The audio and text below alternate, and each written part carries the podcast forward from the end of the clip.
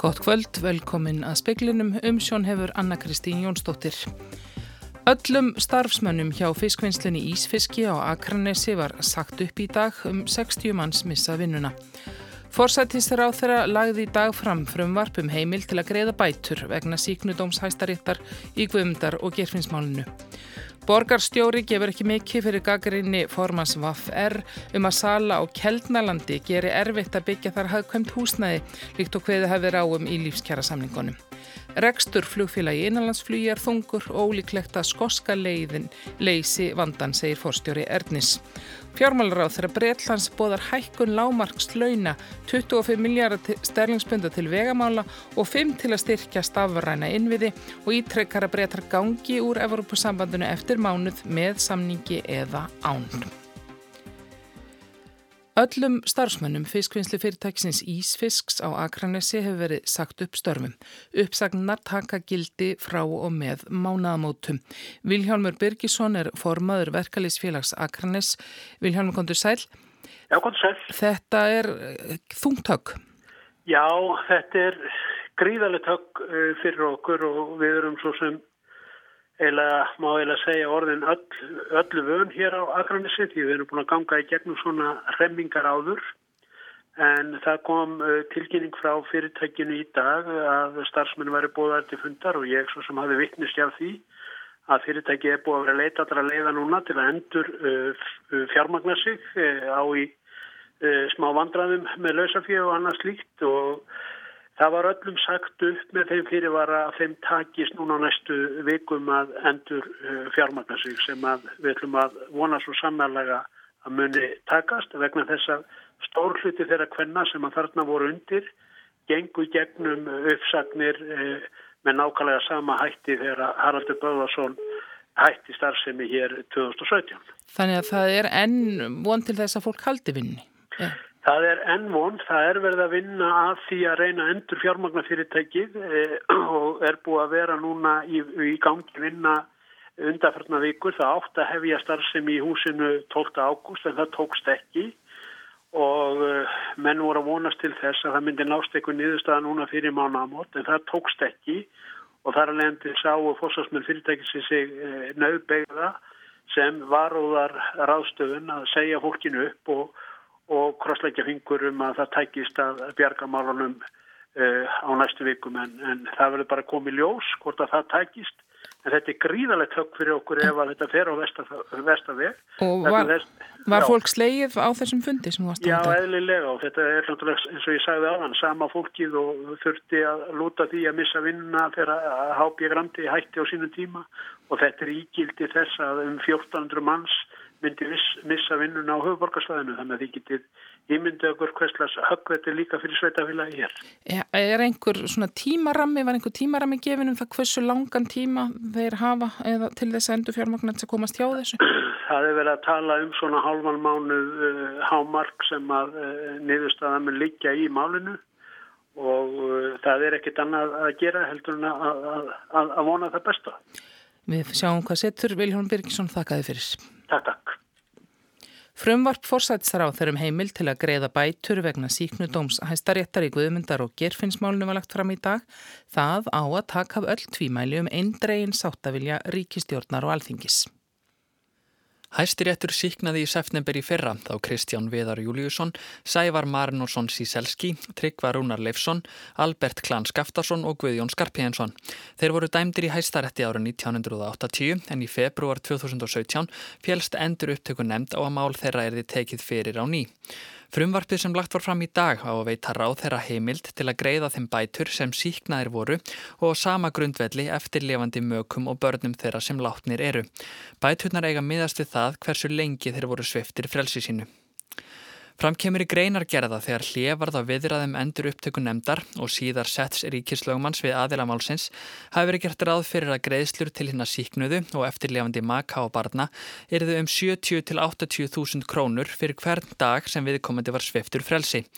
Meðað var við að bætur skiptust þannig að Albert Skaftarsson fengi 15 miljónir, Guðjón Skarpiðinsson 145, Kristján Viðar Júliusson 204, Tryggvi Rúnar Leifsson 171 og Sævar Marinó Síselski 224 miljónir. Samtals eru það 759 miljónir. Í frumvarpinu segir að þótt fjö geti aldrei bætt það tjón sem ránglátur dómur, odli hinnum síknuðu og fjölskyldum þeirra sé engu að síður nöðsynlegt að ríkisvaldið greiði bætur sem hlut hafi uppgeri og viðurkenningu árangindum. Andri Irkild Valsson saði frá. Rekstur innanlandsflugs er þungur og flugfjölag eiga erfitt með að keppa við samgöngur sem eru niðugreitar fyrir opimbera, segir forstjári flugfélagsins Erdnis. Flugræstur á Íslandi hefur gengið mjög bröðsilega undanfærin misseri, bæði innanlands og, og utan og eh, áhyggjur okkar kannski er, er það helstar að það hefur dreigið heldur úr farþegarstreyminu og eh, en á sama tíma þá hafa uh, göld vaksið í hlutfalli. Segir Hörður Guðmundsson, forstjóri flugfélagsins Erdnis. Til að breyðast við þeim anda hafa stjórnvöld verið að skoða skoskulegin og svo gölluðu sem fælst í að niðugriða flugfargjöld þeirra sem búa fjærri höfuborginni. Það eru blikur á lofti, má segja, og eh, við höfum verið að býða eftir svo kallar skosku leið eh, undanfæri hvað hún myndi gera fyrir okkur og, og við höfum svo sem trú að því að, að það getur komið til góða en það er, það er fyrst og fremst er að hugsa um, eh, um neytenda styrki. Já, við vitum til þessa að það eru flug, flugfjóluginn í Skotlandi sem hafa verið að þjóna þessum leiðum sem eru það ríkistyrta, þau hafa verið að fara á hausinn. Þá hafi fjölgun flugfarþega í Skotlandi ekki orðið svo sem flugfélagin vonuðist til. Hörður segir að jafna þurfi samkeppnustöðu flugsis skakvart öðrum samgöngumátum. Í dag keppur flugfélagin við fyrirtæki sem fái niðugræslu frá hennu ópenbera og geti því ekki bóðið samkeppninsætt verð. Þar af leiðandi fækki farþegunum. Stjórnvöld þurfa að koma til móts við flugfélagin, segir Hörður, svo sem með því að lækka virðisauka skatt á eldsniti og auka framlög til rekstus flugvalla. Magnús Geir Eyjólfsson tók saman. Dagur Bjegilsson, borgastjóri Reykjavík, segist engar ágjur af því að erfitt geti reynst að byggja hagkvæmt húsnaði ef keldnaland verður selt, líkt og hveður áum í nýkindum samgöngu sáttmála. Þar kemur fram að einleið til að fjármagna uppbyggingu sé að selja keldnalandið hæstbjónda. Borgarlína verður lögð þar í gegn og líka á að byggja þar íbúðar húsnæði. Ragnar Þór Ingólfsson, formaði Vaffer, hefur gaggrínt fyrir hugaða sölu. Segir það samaræmist ekki lífskjara samningum að selja landið hæstbjónda. En dagur segir að þegar skrifa sér undir svo stóra sáttmála sé eðlegt að spyrja spurninga en hann hafi ekki áhyggjur. Við erum með samningsmarkmið eh, um öll ný uppbyggingarsvæði og það er meðal annars talað um blöndun, það er talað um það að það sé ekki einhver einn tegunda húsnæði, það sé ekki verið að stíla inn og bara einn tekjuhóp eða fáa, þá sem hafa mest á milli handana, heldur alla. Það er ekki bara góð nýting á landi, heldur það er líka skemmtilegustu hverfin, eh, þau sem eru fjölbreytt og, og, og þannig viljum við byggja upp í borginni. Ég hef unnið mjög þétt með verkefæliðseifingunni að slíku markmiðum, ég hef líka unnið þétt með ríkistjórninni að þeim markmiðum Eh, ég hef gengið á skuggum það að það var með heilum hug sem að þetta var sett fram af hálfi ríkistjóðnarinnu í tengslum við lífskjærasamningarna. Þannig að ég lít þannig á að við hefum fyrir höndum spennandi samstarfsverkefni við að tryggja þetta frekar en að það veri gert í einhverjum átökum. Saði Dagur B. Eggersson. Said Javid, fjármálar á þra Breitlands, tilkynntu um hækkun lámarkslaun á næstu 5 árum, 25 miljardar sterlingspunda til vegamála, 5 miljardar í að bæta netkerfi og ímislegt fleira. Þegar hann gerði grein fyrir viðbröðum stjórnvalda færi svo að Brettar gangi úr Evrópusambandinu án samnings. Hann sagði að Brexit gengi í gildi að mánuðiliðnum hvort sem semtist við ESB eða ekki. Sajid Javid tilkynnti áform ríkistjórnarinnar í efnahagsmálum fyrir fulltrúum á ársfundi í haldsflokksins. Stemt verður að því að hækka lámarkslaun úr 8 pundum og 21 pensi í 10,5 pund á næstu 5 árum. Þetta er hækkun úr 1255 íslenskum krónum í 1605. Lámarkslaunin eiga að gilda fyrir 21 árs og eldri en ekki 25 ára eins og nú er. Breska lámarkslaunanemdin hefur reknað út að þau ættu núna að vera nýju pund allstaðar í Breitlandi nema í höfuðborgin í Lundunum þar sem þau ættu að vera 10 pund og 55 pens. Fjármálaráþæran bóðaði einni að stjórnveld ætluði að verja 25 miljörðum punta til vegamála. 220 miljónir eiga að fara í að bæta almenningssamgöngur og 5 miljardar í að lagfæra innviði nettkerfisins þannig að hinnar dreifðu byggðir Breitlands verði mun betur nettengdar á næstu árum en nú er. Já, framt tilkynnti Tjadid Javid um 500 miljónir punta til að lagfara félagsmiðstöðvar fyrir ungt fólk og byggja 60 nýjar. Hann ítrekkaði að breytar gengi úr Evrópusambandinu eftir 31 dag. Gildi þá einu hvort samningar nást við ESB eða ekki. Ásker Tómasson saði frá. Nýbyggingar um allt. Fjölbílishús stút full af litlum íbúðum sem átt að henda fyrstu kaupendum, fyll upp í gatið á markaðnum, en það hefur ekki gengið eftir. Kaupverði er hagstaðar en áður og það er ekki setið jafn mikið um hverja íbúð, en gengur ungu fólki og tekjula á eitthvað betur að komast inn á markaðin. Speillin rætti við Guðmund Sigfinnsson, hagfræðing hjá Íbúðalánu sjóði. Nú er staða ungs fólks á húsnæðismarkaði og tekjuláksfólks búin að vera mikið til umræðu. Hvernig svona metur þú þróunina síðastlið ár, síðastliðin tvö ár, er þessi stað eitthvað að batna er þetta fólk að komast inn á kaupmarkaðin í meiri mæli?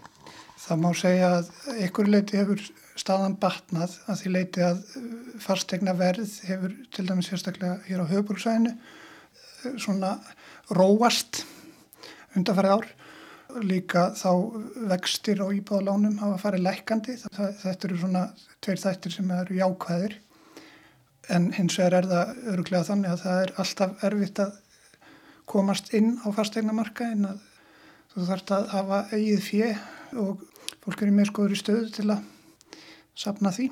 Er aldur uh, fólk sem er að koma inn á markaðin fyrstu kaupenda, eru, eru þeir yngri en áður? Við erum reyndar ekki alveg með þær tölur eins og er en við erum að vinna í því að, að skoða nákvæmlega það. Stjórnvöld lístu því yfir í tengslum við lífskjærasamningana að unniðir þið með aðilum vinnumarkaðarins að því að finna skinsamlegar leiðir og útferslur til að auðvelda ungu fólki og tekjuláu fyrstu fastegnakaup. Henni hins hagfræðingur Alþjóðsambands Íslands saði fyrir þessum mánuði að í fjárlega frumvarpinu væri ekki gert ráð fyrir auknum stuðningi við ungt fólk og þá sem eru að kaupa fyrstu fastegn, í það minnsta ekki í samræmi við lofar stjórnalda. Hún var aftur á móti ánað með emdir þegar komaði að hækka stoppframlög og byggja leiguhúsnaði fyrir látekjufólk. Guðmundur telur að nýjar leiguíbúður Bjargs félagsæðas í séu farnar að hafa jákvæð áhrif á leigumarkaði. Hvort markaðurinn er bærilegri en áður er ekki gott að segja. Leiguverð hefur hækkað umfram kaupmátt launa og það sama árindar við um kaupverð fastegna. Kannanir Íbúðalansjóðs og Sender hafa ítrekkað sínt að það er helst ungt fólk sem að býr í foreldrahúsum sem að hefur í hyggju að kaupa sér íbúð á næstu sex mánuðum. Í júli töldu 13% þeirra sem að búa í foreldrahúsum líklegt eða örugt að þeir eru ornir fastegna eigendur innan háls árs. Það var stærsti hópurinn og uh, það er kannski bend á það, þetta er uh, minnsta úrtækið af heldarfjöldanum. Þannig að það er eiginlega Við höfum gert þessa könnun uh, á tvekja mánuða fresti núna í nokkur ár og það er kannski mesta sveiblan í þessum uh, hópi á milli mælinga, bara sögum smæðarans, en það hefur samt heilt yfir verið stærsti hópurinn og það er kannski, kemur ekki mikið ávart. Þetta er fólki sem að næra að sapna þá. Já, já, akkurat. Í júli byggust aðeins 3% þeirra sem eru á leikumarkaði við því að kaupa á næstu 6 mánuðum. Það er ekkert nýtt að þetta hlutfall sé lægra en hjá þeim sem búa í fóreldrahúsum en það hefur ekki mælst svona látt áður í könnunum íbúðalunasjóðs og sendir. Könnunin hefur í gerð á tveikja mánað fresti frá í september 2017. Það má kannski tengja það við það að það er ákveðin, hefur verið svona ákveðin óvisa hér í hagkerfinu frá því í vor og fólk þá kannski er meira aðeins að staldra við. Það hefur verið byggt mikið síðastliðin ár, mikið af litlum íbúðum sem að áttu að henda ungu fólki en þær virðast ekki hafa áttu upp á pallborðið allavega ekki hjá öllum. Af öllum kaupsamningum sem eru gerðir taka 11% til nýbygginga og þetta hlutfall hefur lækkað það sem að vera ári. Í fyrsta sinn frá árnu 2010. Nýju íbúðurnar seljast miklu hægar en eldri íbúðir.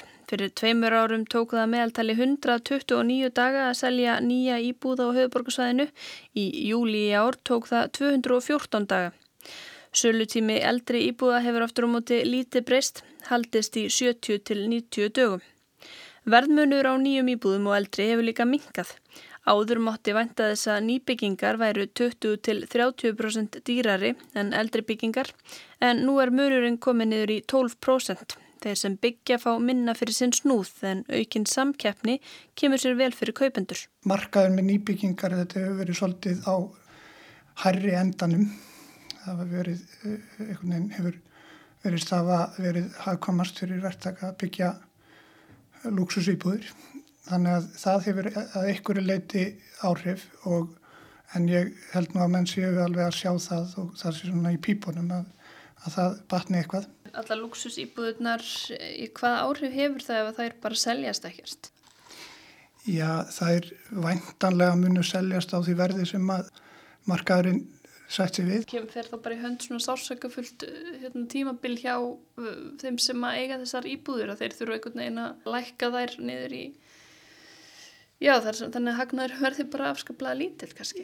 Ég held að þeir eru vantarlega hafa eins og segja eitthvað borð fyrir báru varðandi þetta er þarna náttúrulega fasteina verði er nokkuð hátt hér sérstaklega á höfuborgsvæðinu þannig að ég er ekki að sjá að það verði að það sé einhver krísa þannlega hjá þeim framöndan Nei, Þannig að einhver kaupir þessar íbúðir en, en kannski spurning hvort að það verður ungt fólk og tekjulátt Já, algjörlega, það er kannski minni líkur á því. Þess konar íbúður á þeim svæðum sem að er fasteina verðið mjög hátt. En það er þá frekar á uh, svona meiri útkverfum sem að uh, uppbyggingin fyrir þann hóp. Saði Guðmundur Sigfinnsson, Arnhildur Haldanadóttir rætti við hann. Boris Johnson, forsættisar á þeirra breyta, hefur ekki meiri hluta til að ákveða hvenar verður enn til þingkostninga en á yfirstandandi flokkstingi þarf hann helst að sannfæra flokksmenn sína um leðtóahæfileikana. Forsættisar á þeirra talar engum til brexit sinna og eigur þannig á söndrung bæði í flokknum og með þjóðinni. Hvort suppulegar fréttir um engalífans hafa áhrif á kjósundur og eftir að koma í ljós, stjórnar andstaðan treystir forsættisar á þeirra alls ekki og sá trúnaðabrestur gæti brínt hana til að saminast um að koma honum frá. Með frettum breskra fjölmiðla af flokksþingunum fylgja alltaf myndir af gladbeittum flokksleðtoga að mæta til leiks þá einn í gær af aðvífandi Boris Johnson með Kari Simmons sambíliskonu sinni. Með myndunum fylgdu nýjustu frettir úr engalífi fórsætsáþara. Bladakona á Sunday Times skrifaði um hvernig hann þuklaði á henni fyrir 20 árum, hann væri þannig náungi. Forsætsráðara hafnar þessu og þá einnig sér ráðarar, þó ekki Matt Hancock heilbriðisráðara sem segist þekka bladakonna og treysta frásögnunar. Þessi saga bætist við sögusagnir sem þegar eru á sveimi um vinskap forsætsráðara við unga konu þegar hann var borgastjóri. Það máli rannsókn vegna grunnsenda um að hann hafi notað aðstöðu sína til að hygglenni. Forsætsráðara var þó í essinu sínu í morgun meðal stuðningsmanna sem tóku fagnandi orðumans um að þráttur í gaggrinni heldan í myndmálið úr hernaði og rustan var ekki töpuð, hann heldi sig við bissutnar, held að fram að sigra. Engar áökjur, hann lofaði útgöngu breyta úr Evropasambandinu 31. oktober og að samina landið. Keep with it. we're not worried. We're not worried. We're, we're going to continue. We're, we're, I'm going to be myself. Exactly. I, I've got no choice. Going to, we're going to get Brexit done by October the 31st and then we're going to unite our country. Ekki orðum að fórsætsáþra hefur tapað öllum atkvæðagreðslum í þinginu, tapað í hæstarétti, mist eða rekið yfir 20 þingmenn og glatað naumum þingmerhlutanum sem hann erði frá forvera sínum Teresu May. Flokksleittógin mætir með fangið fullt af kostingalofurðum. Allt hægt eftir Brexit. Justin Greening er einn þeirra sem fórsætsráðara rak úr þingflokknum. Í viðtali mynd hún að ná að allt sem hann lofaði væri hægt að efna án þess að ganga úr Europasambandinu. Meint spillingarmál sem verkamannaflokkurinn og fleiri vilja láta rannsaka er samband fórsætsráðara við nokkra vógunarsjóði sem hafa styrt frambóðans. Bladakonan Rachel Johnson er sýstir fórsætsráðara og rifjaði þetta óvend upp í vikunni. Hún sagðist ekki vita hver ráðleðunum þessa ófyrirlitnu framkomu sem mjög er til umræðu. Kanski ráðgjafin umdeldi Dominic Cummings eða Johnson sjálfur sem greinilega nýtiðist í botn að vera fórsætsáðra eða hver veit, fólk sem hefði lagt miljarda undir í stöðutöku gegn landinu, gegn pundinu, allt í vonum samningslösa útgöngu.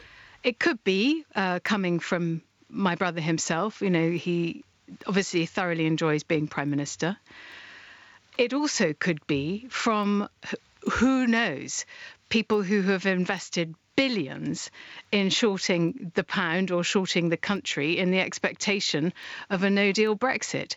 Stöðutaka vogunarsjóða er liður í þeirra viðskiptum en annar mála segja fórsætsráðara stefna á samlingslösa útgöngu vegna tengsla sinna við ákveðna sjóðseigendur. Það er aðdróttunum spillingu. Fórsætsráðara gefur ekkert upp um brexit áallun sína. Sífælt klifun um útgöngu, sama hvað, virðir stangast á við raunveruleikan. Stjórnaranstan hefur samþygt lög sem hindra útgöngu án útgöngusamnings. Án samnings verður fórsætsráðara að byggja Evrópusambandið um að fresta útgöngu til janúarloka. Já, hann þvertekur fyrir afsögn ef frestun blasir við. Menn klóra sér í haustnum hvernig ætlar fórsætsráðara án samnings að koma sér hjá að byggjum frestun sem er bundin í lög. Það eru margar kenningar um hvað fórsætsráðara meini eiginlega með orðum sínum og æði. Sumir telja að výgreifur fórsætsráðara sé að hræða menn til að styðja nýjan samning hans við Evropasambandið. Gallin við þákenningu er að ESB kannast ekki við að fórsætsráðara hafi brittað upp á neinu nýju engin kraftur í viðræðunum. Önnur kenning er að hatrömm framgangans gegn þeim sem hafna brexit, hann vænir þá nánast um föðurlandsvig, sé viðleitnans til að skapa andrumsloft sem kalli á neyðaráðstafanir og þannig mun hann koma samningslösu brexit í gegn. Mei var ákaft gaggrínt fyrir að hafa ekki samráð við stjórnaranstöðuna í samningsferlinu en hún þótt ekki undirförul. Johnson lætur samráð líka vera en í viðbót augrar hann og storkar anstæðingum sínum til dæmis þetta að þeir þór ekki kostningar. Ósamtaka stjórnaranstan leitar leiða að fella fórsatsráðra með vantrösti, kannski skapa reyðin samstöðuna. Boris Johnson stendur vel í skoðanakonunum og hann treysti ljóslega á að taktikans tryggjónum sigur í komandi kostningunum. Þegar stjórnarnarstöðni þoknast. Sigrun Davistóttir saði frá. Aðferðir sem einn ófrínilegi djúpsjávarfiskur Lucifer beitir til að afla sér fæðu gætu nýst við kvítfisks eldi í sjó. Tilraun hér við land er að hefjast á næstunni og hún fælst í því að koma fyrir ljósi í búri fullu af þorski neðansjávar, ljósið lokkar átu til fisksins. Heiðurinn að uppfinninguna á normaðurinu Vítar Sáem, hann hefur stopnað fyrirtæki hér á landi, Ocean Ecofarm. Það starfar í samfunnu við verkfræðiristofuna Eblu og Hafranssonarstofnun. Ebla kynnti verkefnið á sjáaróttuðsýningunni í Laugardarshöll í síðustu viku. Hafstein Helgason sviðstjóri viðskiptarþróunar hjá Eblu, segir að á yfir 20 metra dýpi sé nánast kolniða myrkur. Þorskurinn og fleiri fiskar haldi sér þar og narri botni. Þar er fiskurinn í æti. Þar eru smágerðar fisktegundur svo sem ljóstepla, rauðáta og ljósáta sem eru mjög smáar fisktegundir vegna smæðarinnar hefur ekki verið mögulegt að veiða þessa fiska. Þess vegna uh, hafa menn verið að huglega það hvernig þeir geta náð ætinu að fiskinum og það er norskur uh, vísindamæður sem hefur enga leifi á, á þeirri tækni að, uh, að búa til ljós án þess að það sé að ræða raforku frá batteri eða snúru frá landi.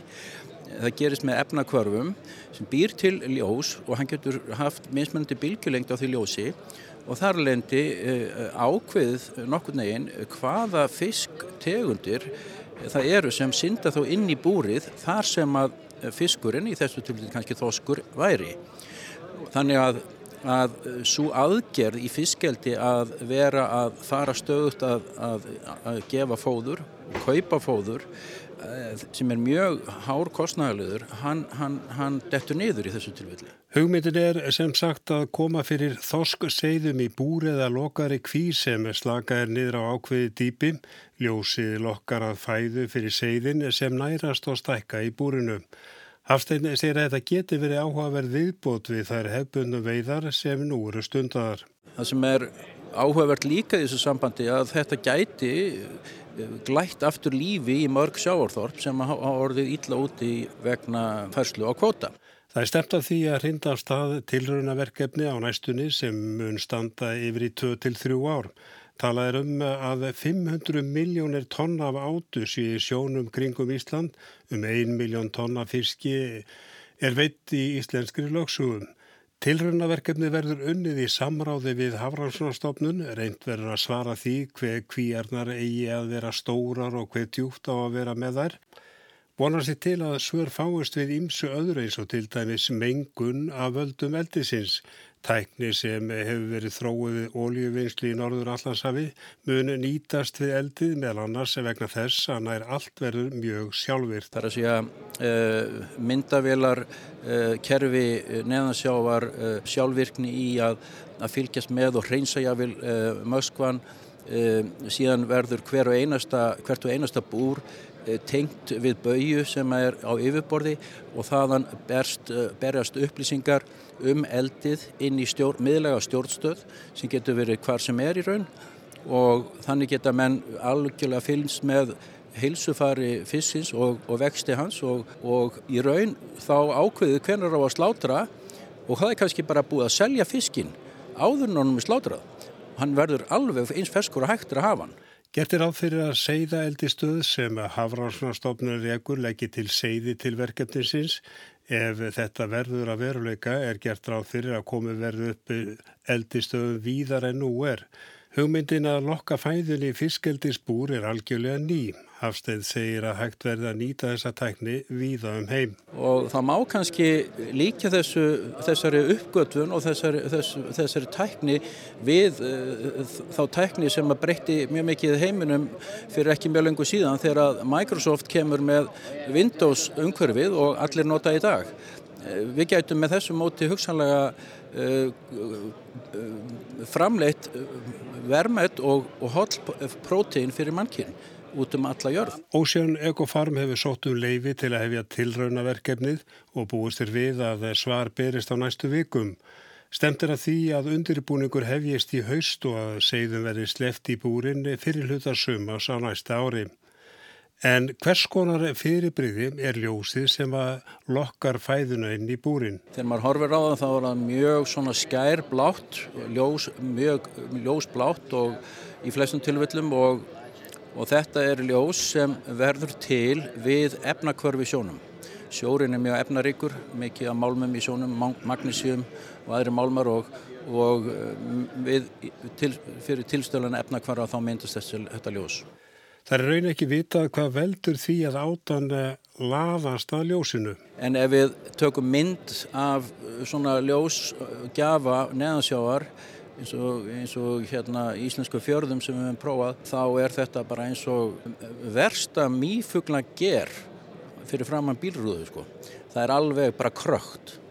En er það tilfellið að hugmyndin er kannski komið frá frekar ófriðu fiski lúsi fyrir sjálfum? Já, það má ég alveg segja það. Lúcifer er að leysa hér ímis mál. Og hann er með svona ljós? Já, hann er einmitt, hann er að beita nákvæmlega þessu að, að hann kveikir á sínum lampa, ef svo má segja, fyrir fram að kæftin á sér þegar hann þarf á æti að halda og þá kemur ætið af og hann gleipir það. Saði Hafstein Helgason, Arna Pál Haugsson talaði við hann. Veðurhorfur það verður norðaustlægða breytiljátt 3-8 og bjart með köplum en lítilsáttar væta á suðaustan og austanverður landinu. Væta með köplum sunnan til á morgun en annars þurft eða úrkomi lítið hiti 4-11 stig hlýjast suðvestanlands en víða nætur frost engum inn til landsins.